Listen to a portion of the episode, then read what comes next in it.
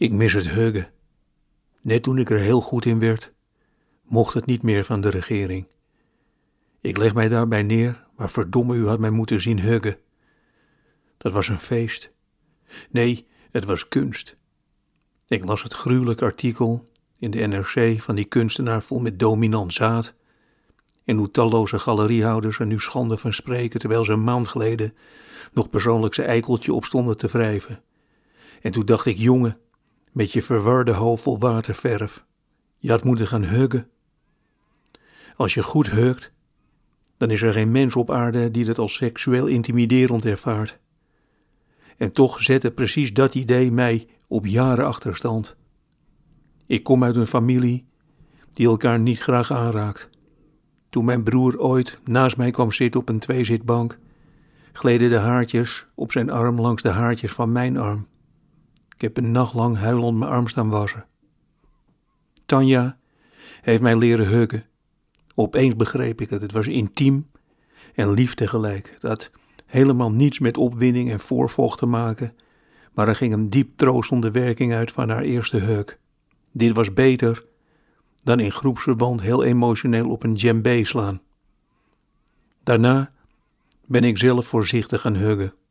Ik moet hier wel mijn leermeester bedanken, die het huggen naar een heel ander niveau heeft getild.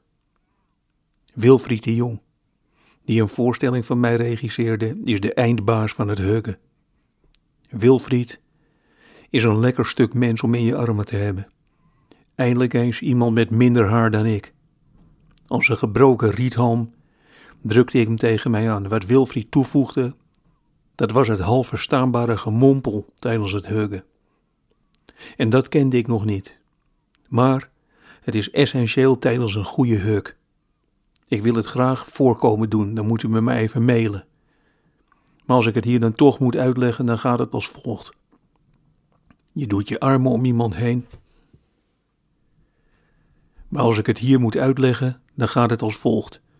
Je doet je armen om iemand heen en dan voel je hoe graag hij of zij het lichaam tegen jou aan wil vleien.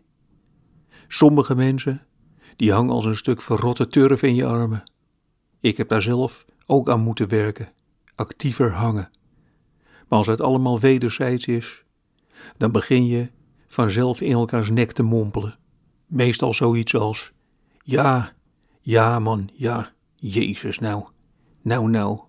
Pff, ja, toch, ja, dat bedoel ik. Kom eens hier dan.